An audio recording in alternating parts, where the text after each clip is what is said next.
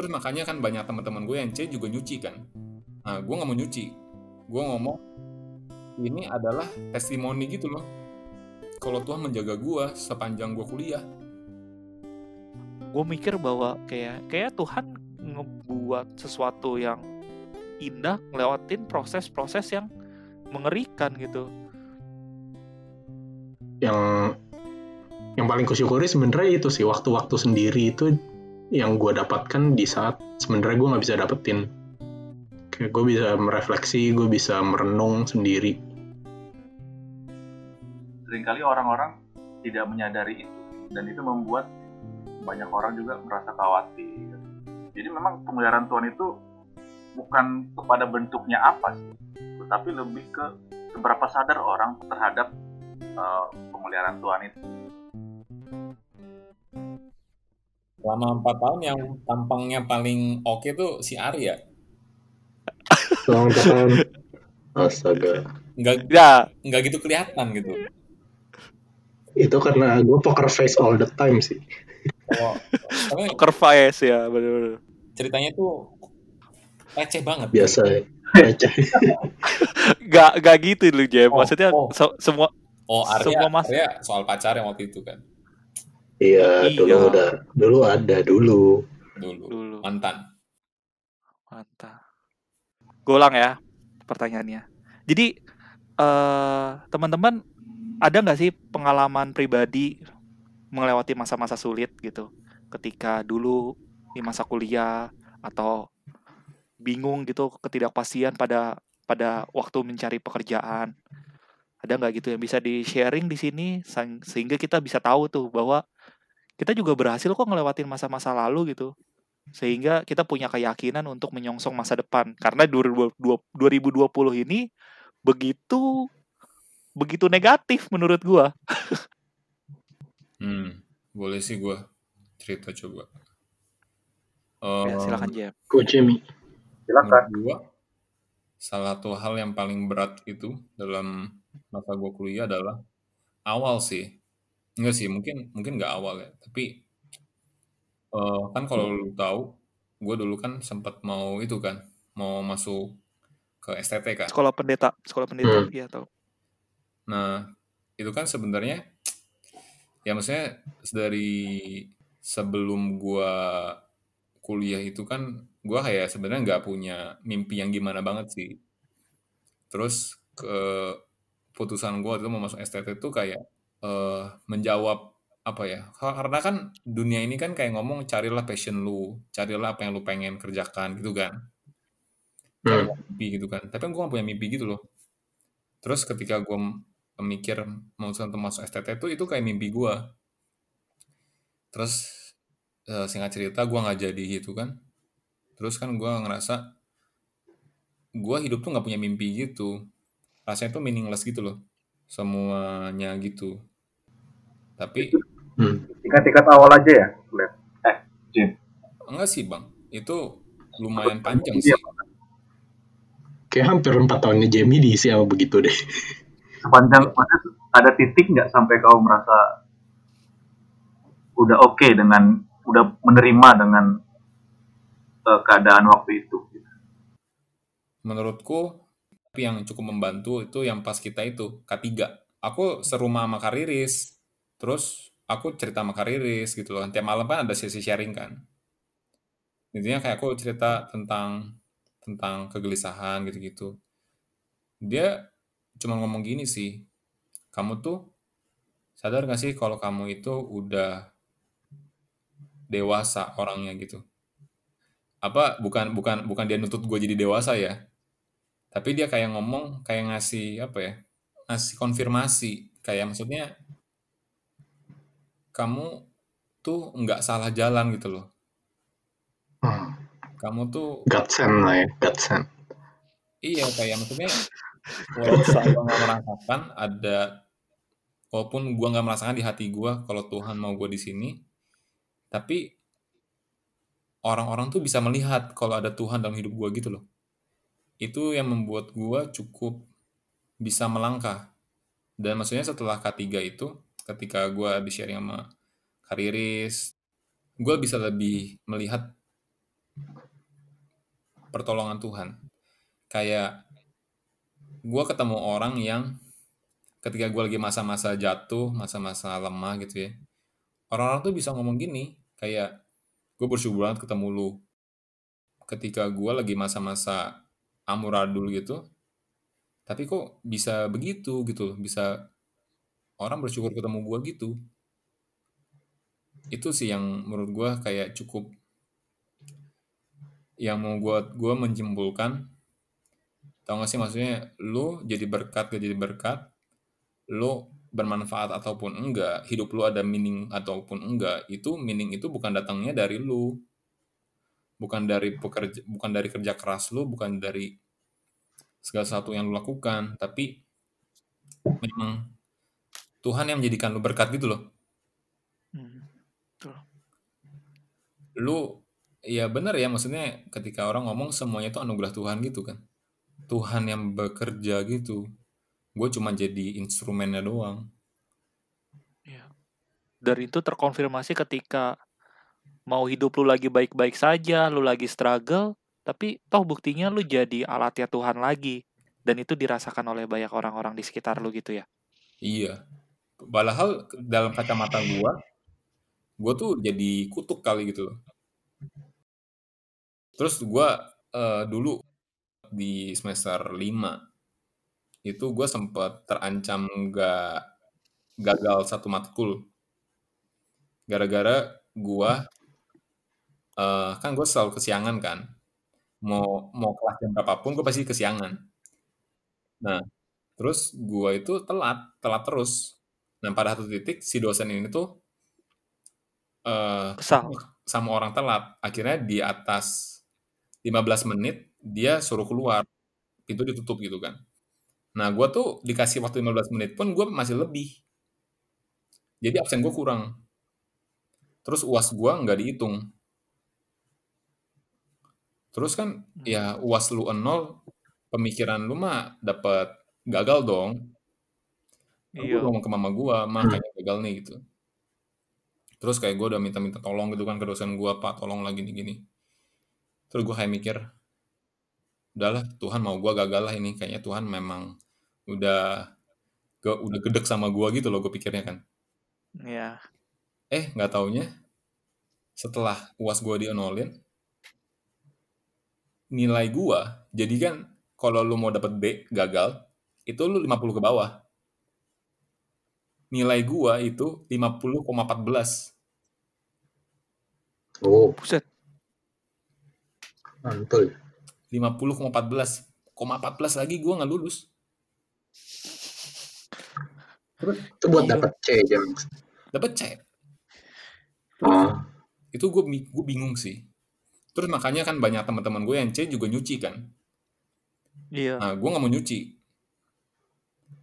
gue buat ngomong jadi reminder ya. ini adalah testimoni gitu loh Iya. kalau Tuhan menjaga gue sepanjang gue kuliah ya sampai sekarang sih gue nggak nggak menemukan ya maksudnya kayak hidup gue buat apa maksudnya kayak kerja apa gue besar jadi apa gitu gue nggak menemukan tapi yang gue tahu sebagaimana gue udah menjalani empat tahun ini Empat tahun lalu. empat tahun lalu di kuliah sebagai sebagaimana Tuhan udah memimpin gue di situ Tuhan juga yang memimpin gue saat ini gitu loh Ya, thank you, Jem. Kalau gua ya di masa kuliah, si salah satu yang paling menyedihkan dan menakutkan adalah ketika eh, papa gue meninggal di 2015 di semester 4. Di sana eh gue ngerasa bahwa apa ya? Kayak gue bener-bener kehilangan arah banget waktu itu sih. Gue inget ketika sebelum papa gue meninggal, gue sering banget hidup di Lamping. Dan di situ Bang Yosua tinggi itu lagi sakit-sakitan tuh. Dan karena gue paling muda, gue gue kebagian yang ngurus lah, banyak ngurus-ngurusnya lah. Jaga ke rumah sakit, ngurus administrasi, nemenin ke mana ini. Karena dia lagi sakit dan benar-benar gak berdaya waktu itu. Gue lagi sibuk-sibuknya, eh nggak berapa lama papa gue meninggal gitu. Jadi kayak Tuhan, gue lagi berbuat baik sama orang lain, tapi kenapa Tuhan ambil sesuatu yang paling baik dalam hidup gue gitu? Kayak di situ gua marah iya, sedih iya, bingung iya. Jadi semengerikan itu gitu momen-momen itu ya. Itu di semester 4 2015. Januari 2015. Ya puji Tuhannya nggak kerasa sekarang udah dua, udah lima tahun kan. Udah udah lima tahun dilewatin. Setelah papa gue meninggal. eh gue ingat pas lagi penghiburan papa gue dari anak-anak PMK, Jamie bilang gini, Glenn, lu ngelihat, lu inget gak ada penyertaan Tuhan dalam proses ini? Terus gue jawab gini, eh gue ingat ketika papa gue kan dibawa ke kampung tuh, papa gue dibawa ke kampung, eh dan layaknya meninggal pasti di, di dimakamkan di kuburannya itu ada fotonya gitu kan dan fotonya itu gue nggak ada proper gitu foto-foto proper yang gimana banget gitu selama masa hidupnya nggak ada foto studio segala macem kan. Dan akhirnya gue coba ngedit sendiri gitu gue coba ngedit sendiri dan laptopnya gue bawa gitu ke ke kampung. Entah kenapa laptopnya rusak laptopnya rusak jadi editan gue nggak bisa. Terus wah gila gue bilang masa meninggal nggak ada fotonya juga? Jadi orang-orang yang nggak nggak nggak inget bokap gua. Kan bokap gua itu kan kecilnya di situ kan. Maksud- maksudnya masa muda di situ. Jadi nggak nggak nggak bisa inget lagi gitu foto-foto terakhirnya. Eh lagi tersenyum bukan lagi meninggal ya ter- terus akhirnya eh gua gua ngedit dan gua ngedit itu jelek banget gitu kayak patah-patah banget karena gua nggak punya kemampuan edit desain kan. Tapi akhirnya gua ngubungin orang eh di Jakarta. Rupanya dia punya foto bokap gua dan gue minta tolong editin gitu. Dan hasilnya bagus. Dan ketika dikirim gue cetak dan hasilnya tuh lebih bagus dibanding editan gue gue mikir bahwa kayak kayak Tuhan ngebuat sesuatu yang indah ngelewatin proses-proses yang mengerikan gitu. Eh masa-masa itu kehilangan. Gue bingung tuh kayak hampir bertahun-tahun mungkin satu tahun dua tahun gitu dan Sebenarnya yang soal bapak lu meninggal itu tuh, ya maksudnya yang yang yang selalu ada di pikiran gue ya ketika gue ingat itu tuh, kita tuh nggak ada buat lu sih waktu itu. Waktu itu kenapa ya? Kita taunya telat ya? Enggak, sebenarnya nggak telat. Tapi setelah itu maksudnya si Glenn kan masa-masa krisis dia kan setahun dua tahun gitu kan. Setelah bapaknya meninggal. Mm-mm. Tapi kita tuh secara KTB tuh kita nggak ada buat dia gitu. Kayak Oh. udah kita tahu Glenn lagi berduka tapi kita kayak nggak gitu peduli-peduli juga gitu loh. iya Coba sejujurnya sejujurnya iya gue nggak inget pengalaman bersama kalian ngelewatin masa-masa itunya itu cuma ada di akhir doang. iya di akhir-akhir banget baru gue ngerasain kalian lagi gue nggak tahu ya kenapa ya kita ya karena gue poker face kayaknya Waktu itu kan kita kita sempat lawat lu, tapi bareng bareng yang lain kayaknya enggak. iya betul Kayak di Lamping kayak chat-chat pribadi aja kagak, ngajak jalan juga kagak, apa juga kagak gitu loh. Kayak Hmm.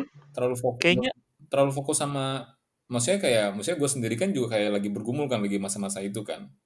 iya Tapi gue kayak nggak melihat eh gue terlalu fokus sama diri gue gitu, gue sampai ngelupain lu gitu kan. I- iya. Dan gue terlihat baik-baik saja sih Jem sejujurnya. Iya, gue gue gue menampilkan gue baik-baik saja. Gue nggak toh gue nggak menghilang. Gue tetap ada di situ. Tapi orang-orang itu nggak tahu masalah gue yang sebenarnya. Orang-orang di sana semua semua orang bahkan tertipu dengan baik-baiknya saya gue gitu. Padahal di situ gue lagi hancur-hancurnya busuk-busuknya mungkin. Dan dan dan nggak punya cara untuk tahu kali ya orang-orang ya Itu 2015 ya? 15 ya 15 16 Waktu itu memang jadi kita juga udah nggak pertemuan lagi kita di situ. di situ iya di situ Bang Ade mulai hilang nggak sih Bang? Iya, 2015 aku mulai hilang juga.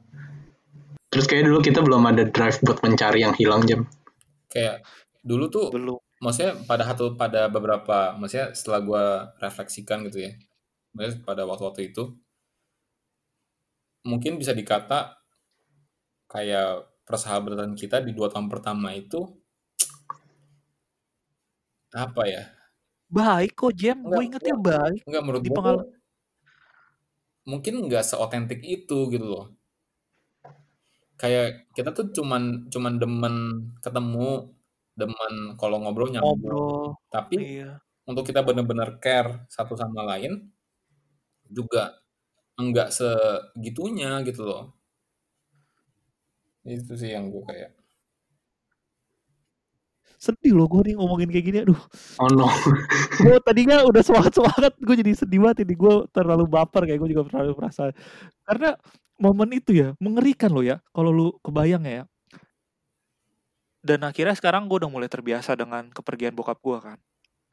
Lebih dari itu gue mungkin udah mulai bisa menapaki jalan yang baru gitu dalam dalam setiap em, kejadian-kejadian yang gelap tadi lah gitu. Jadi gue makin lihat jalan-jalan terang yang Tuhan sediakan gitu.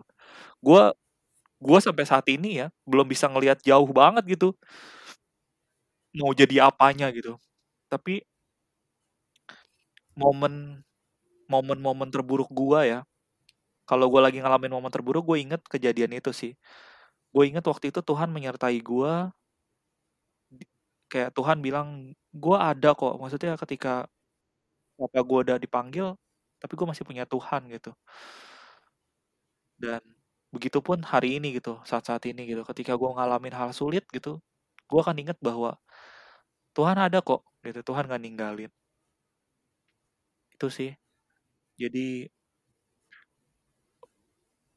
hmm, pengalaman buruk yang seburuk itu membuat gue merasakan Tuhan secara lebih nyata. Dan eh, pengalaman itu yang membuat gue yakin gue bisa menghadapi hari ini menghadapi hari esok karena gue tahu bahwa Tuhan yang dulu nyertain gue ada juga loh di hari ini ya gitu sih cerita dari gue kalau bang Ade gimana bang? Ada ada hal sulit yang bisa diceritakan dan mungkin bisa menguatkan kita gitu pengalamannya? Kalau aku paling waktu tingkat akhir sih yang kesulitan. Karena kalau aku merasa kalau untuk perkuliahan sih nggak terlalu banyak masalah ya. Karena memang mulus-mulus aja sih. Walaupun ada beragam ya ada beberapa yang sulit juga materi perkuliahan, tapi kan itu bisa dijalankan semua kan. Walaupun sebenarnya menurutku tugas akhirnya nggak sulit dan ada banyak orang yang bantu juga sebenarnya. Tapi yang problemnya di situ lebih ke diriku sih. Diriku waktu itu gimana ya ceritanya? Aku sempat sampai sempat mengalami apa istilahnya? eh, udah mengarah ke depresi gitu. Karena aku juga belajar kan. Orang yang depresi kan ada be- beberapa ciri-cirinya, ada tujuh lah gitu. Dan aku udah mengalami berapa ya, udah empat atau berapa itu waktu itu dari total itu. Total tanda-tanda orang depresi gitu. Dan itu yang mengarah ke sana. Gitu. Nah, udah mulai bulan-bulan April kayak gitu lah. Itu masalahnya kan kami kan awalnya itu TA kan tim. Kayaknya aku udah pernah cerita kan. Kami kan awalnya bertim tiga orang, tapi dengan maksudnya eh, topiknya eh, apa eh, objeknya sama, tapi topik yang diangkat dari objek itu berbeda gitu. Nah, dari yang tiga itu, tiga topik itu, aku satu dan karena aku waktu itu juga kenapa ya kayaknya bermasalah juga. Aku kurang ingat sih masalah waktu itu apa awal-awal itu. Tapi itu me- membuat aku nggak bisa uh, lanjut. Dan akhirnya dua temanku itu lulus duluan. Nah itu. Jadi akhirnya itu aku ketika aku ditinggal aku sendiri nah itulah mulai masa-masa aduh udah mulai apalah udah merasa males. Ada masa ada kan biasanya kan kalau kerjaan kayak gitu kan mulainya itu ada rasa males kan. Dan akhirnya aku juga punya punya sifat menunda-nunda juga kan waktu itu. Jadi akhirnya karena menunda jadi akhirnya ya bablas gitu. terus juga sempat sakit waktu itu sakit apa ya? TB kelenjar ya? TB kelenjar oh. TB. TB kelenjar itu perawatannya enam bulan. Perawatan obat kan enam bulan. Terus bolak-balik ke rumah sakit kan cek juga cek gitu. Ke, ke Borromeus waktu itu.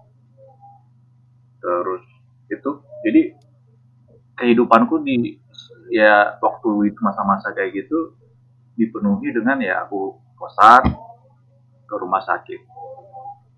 Gitu. Kalau tapi paling banyak di kosan sih. Dan aku nggak menginjakan kaki ke kampus sama sekali. Bukan karena corona waktu itu kan berarti bang? Kan corona nggak boleh ke kampus. Belum ada. Oh belum ada. Agak kurang ya jokesnya ya. Aduh. Belum ada yang makan kelelawar zaman itu. Lagi sedih-sedih malah ngomongin begituan.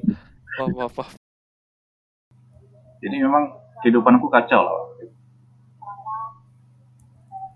Jadi yang buat aku lepas pertama itu Tuhan yang pelihara sih. Pelihara dalam arti dengan kondisi kayak gitu Tuhan jaga aku tetap. Walaupun aku dikasih penyakit itu menurutku supaya aku tidak fokus ke apa ya supaya Tuhan kasih sedikit apalah pemanis gitu kemudian Tuhan juga masih kasih kesembuhan juga bukan terus yang kedua juga yang membuat aku lepas itu Tuhan kasih uh, apa sih teman-teman jadi walaupun aku sendiri di kamar tapi ketika ada teman di sekitarku aku jadi merasa ada orang gitu. Pada saat itu aku stres sih ketika ada kawan mengunjungi gitu. Pusingnya karena aduh kayak lagi. Padahal sesuatu yang harus aku selesaikan. Sampai aku mikir, aduh, entah aku dewa aja gitu. Dewa maksudnya, udahlah, nggak nggak harus aku selesaikan lagi. Tapi ya Tuhan nggak nggak ngasih aku untuk apa Deo gitu. Dan yang terakhir sih apa sih dari orang tua juga orang tua sampai datang loh om mamaku dari apa dari dari Siantar. Oh iya bang. Sampai orang tua abang datang. Datang dua kali bang. Akhirnya udah aku start. Karena aku nggak megang lagi tuh TA tuh. Dari aku megang TA lagi sampai aku sidang lulus itu hanya berapa bulan? Nggak nyampe tiga bulan udah selesai kalau aku nyimpulkan sekarang aku bisa lulus bukan karena kemampuan. Tapi karena ya Tuhan yang bekerja dan ada orang-orang sekitar yang menolong. Tuhan kasih izin aku uh, telat lulus tapi Tuhan nggak ngasih izin aku nggak lulus. Aku aku selama ini kira itu kayak abang tuh kayak keluarganya kenapa apa gitu tapi sebenarnya itu kayak kesalahan kecil yang beruntun jadi badai gitu ya. Terakumulasi lah gitu. Akumulasi-akumulasi gitu ya. Oke, okay, thank you Bang Ade untuk ceritanya. Nah, kamu kasih, kamu kasih. Jangan digituin bang beban loh orang bang. Aduh. Yang terbaik lah mungkin yang terbaik. Oke okay, sampai depan depan. lebih beban lagi. yang terbaik. beban. Iya lebih beban lagi ya. ya ya. Ada yang pengen Aduh. diceritain gak ya tentang bagaimana lu ngelewatin masa kuliah atau awal-awal mencari kerja gitu, yang sebuah cerita yang dari sudut pandang lu gitu yang gua sebagai teman lu yang udah tujuh tahun melihat hidup lu baik-baik saja gitu tadi juga Jamie bilang Kita nggak bisa ya, melihat gua- gitu. eh, ada ada ada ya gitu tapi ya gue pengen tahu sih dari lu ada nggak ya Eh, kalau selama kuliah enggak sih. Serius bener kayak ya ya empat tahun ya. ya kalian emang dengan baik sih. Bener kan? empat tahun itu nggak ada. benar Benar, benar benar. oke Kurang lebih bener lah. Maksudnya nggak ada yang kayak sampai gua depresi terus gua harus ceritakan. Nggak ada sih. Kayak eh, kalau mencari kerja juga kalau dibilang sedih juga sedih banget juga enggak. Kayak dari dari wisuda sampai first day kan dua bulan. Kan wisuda Juli gue akhir Agustus sudah first day. Jadi ya masih kayak masih taraf normal. lah cepat bahkan itu hitungannya. Ya ya kalau dari apply kan dari Mei sebenarnya tiga oh bulan iya iya betul. Heeh. cuma paling yang yang paling sedih malah ya itu waktu putus sih. Ya kalau mantan gue denger podcast bodo amat lah ya. Udah amat. bodo amat. Eh, nah itu di situ tuh bahkan dari sebelum putusnya aja tuh gue merasa kacau sih kayak gue nggak tahu apa yang salah dengan diri gue. Terus ya kayak merasa kosong aja kayak hubungannya nggak ada apa-apa. Sampai akhirnya ya putus. Dan ya kalau kalian inget ya putusnya di ulang tahun gue sih. Pas lu lagi jalan-jalan kan? nggak sehari sebelum pergi Yang pokoknya pokoknya yang gue ingat ya lu katanya di pesawat nonton apa dengerin lagu terus. iya denger lagu Yoi. sedih iya. Gue denger lagu Symphony Worship. Waktu itu Symphony Worship baru ngeluarin album. Waduh. New Hope. Sim- iya gue inget banget gue inget banget. Karena itu playlist gue kayak gue gue shuffle aja itu satu album. Nah ya di situ sih emang parah banget sih. Entah kenapa juga gue memutuskan untuk mutusin di ulang tahun itu biar checkpointnya gampang kali ya nggak tahu dah. Ya. Hmm. ngitungnya jadi gampang gitu. Oh jam 20 Desember ya udah berarti udah berapa tahun gitu. nah cuma ya ketika trip itu juga ya yang kayak tadi Jamie bilang banyak banget waktu kosong di mana gue sendiri. Di mana di mana gue waktu itu ke Amerika. Jadi waktu itu kan ke Amerika. Dan total naik pesawat itu searah aja 24 jam tuh hampir hampir 24 jam. Hampir 24 jam itu satu arah. Berarti dua arah kan 48 jam. Itu berarti dua hari. Belum waktu wisata itu ada beberapa jam lagi lah pesawat sedikit yang banyak adalah di bus. Dan bus itu banyak eh, waktu-waktu kosongnya. Kayak eh sorry eh, banyak kursi kosong. Jadi kayak seorang bisa dapat satu tempat sendiri gitu lah. Hmm. ya di situ ya udah gue kayak bener-bener ngeliatin jendela pasang headset lihat keluar Galau. udah. Kalau galau galau mantap mantap coy. Nah ya ya di situ lah di situ malah dari ya shout out to symphony worship guys. Itu ya gue gue benar-benar merasakan Tuhan sih walaupun gue kayak sedih banget. Satu gue merasakan Tuhan karena ya dari lagu yang dari lagu-lagu yang kayak baru dirilis itu dan kebetulan lagunya masuk di kondisi gue waktu itu gitu loh. Itu satu. Kedua eh, renungan renungan yang waktu itu gue baca tuh benar-benar eh, semuanya tuh soal penguatan. Mungkin karena waktu itu juga dekat-dekat Natal kali ya dan tahun baru. Jadi ya memang itu banyak yang eh, soal fir yang menguatkan gue lah gitu. Dan yang ketiga ya dari teman-teman sih itu kayak yang biasanya gue nggak pernah cerita terus kayak gue jadi cerita ke dia dan dari situ juga juga nggak kayak nggak cuma kayak ngasih saran dari perspektif dia tapi juga ya apa ya menumbuhkan keinginan gue untuk eh, semakin dekat sama Tuhan sih di masa-masa itu Hmm. ya begitu sih yang yang paling kusyukuri sebenarnya itu sih waktu-waktu sendiri itu yang gue dapatkan di saat sebenarnya gue nggak bisa dapetin. Kayak gue bisa merefleksi gue bisa merenung sendiri. Walaupun diselipin tidur lah ya di pesawat. Cuma ya Tapi be- itu berarti dulu lu kurang momen-momen sendiri gitu, kurang momen-momen. Harusnya Hmm, waktu pacaran.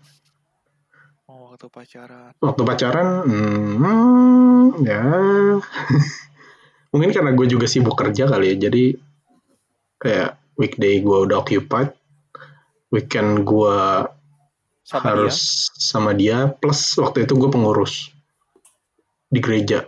Jadi kayak weekend gue most likely ya kalau bukan sama pacar gue sama keluarga gue sama gereja. Hmm. kayak ya emang kurang mungkin kurang space gitu ya kali ya. Tapi gue juga nggak tahu kenapa akhirnya ya udah ya itu balik lagi kayak yang awal sih entah apa yang terjadi di dalam diri gue terus akhirnya ya udah putus gitu loh Oke. gitu sih diem-diem apa eh pengalaman berpacarannya paling banyak. Ya karena lawannya gua nol, Bang Ade nol, lu satu. Dia balik banyak dong. eh tapi di masa itu gue juga masih nol. Oh, iya betul. iya nol. sih iya sih Terus Arya tiap kali mau cerita sama yang kayak kita gini. Kita cuma bisa di oh ya, oh ya. iya iya iya iya itu kayak cerita ke Jamie ya ya Oh, udah ya Iya. nah, dari setiap pergumulan kita, dari setiap masalah kita, dari setiap konflik yang udah kita hadapin, yang gue dapat kesimpulannya Tuhan selalu ada nggak sih dalam setiap pergumulan itu?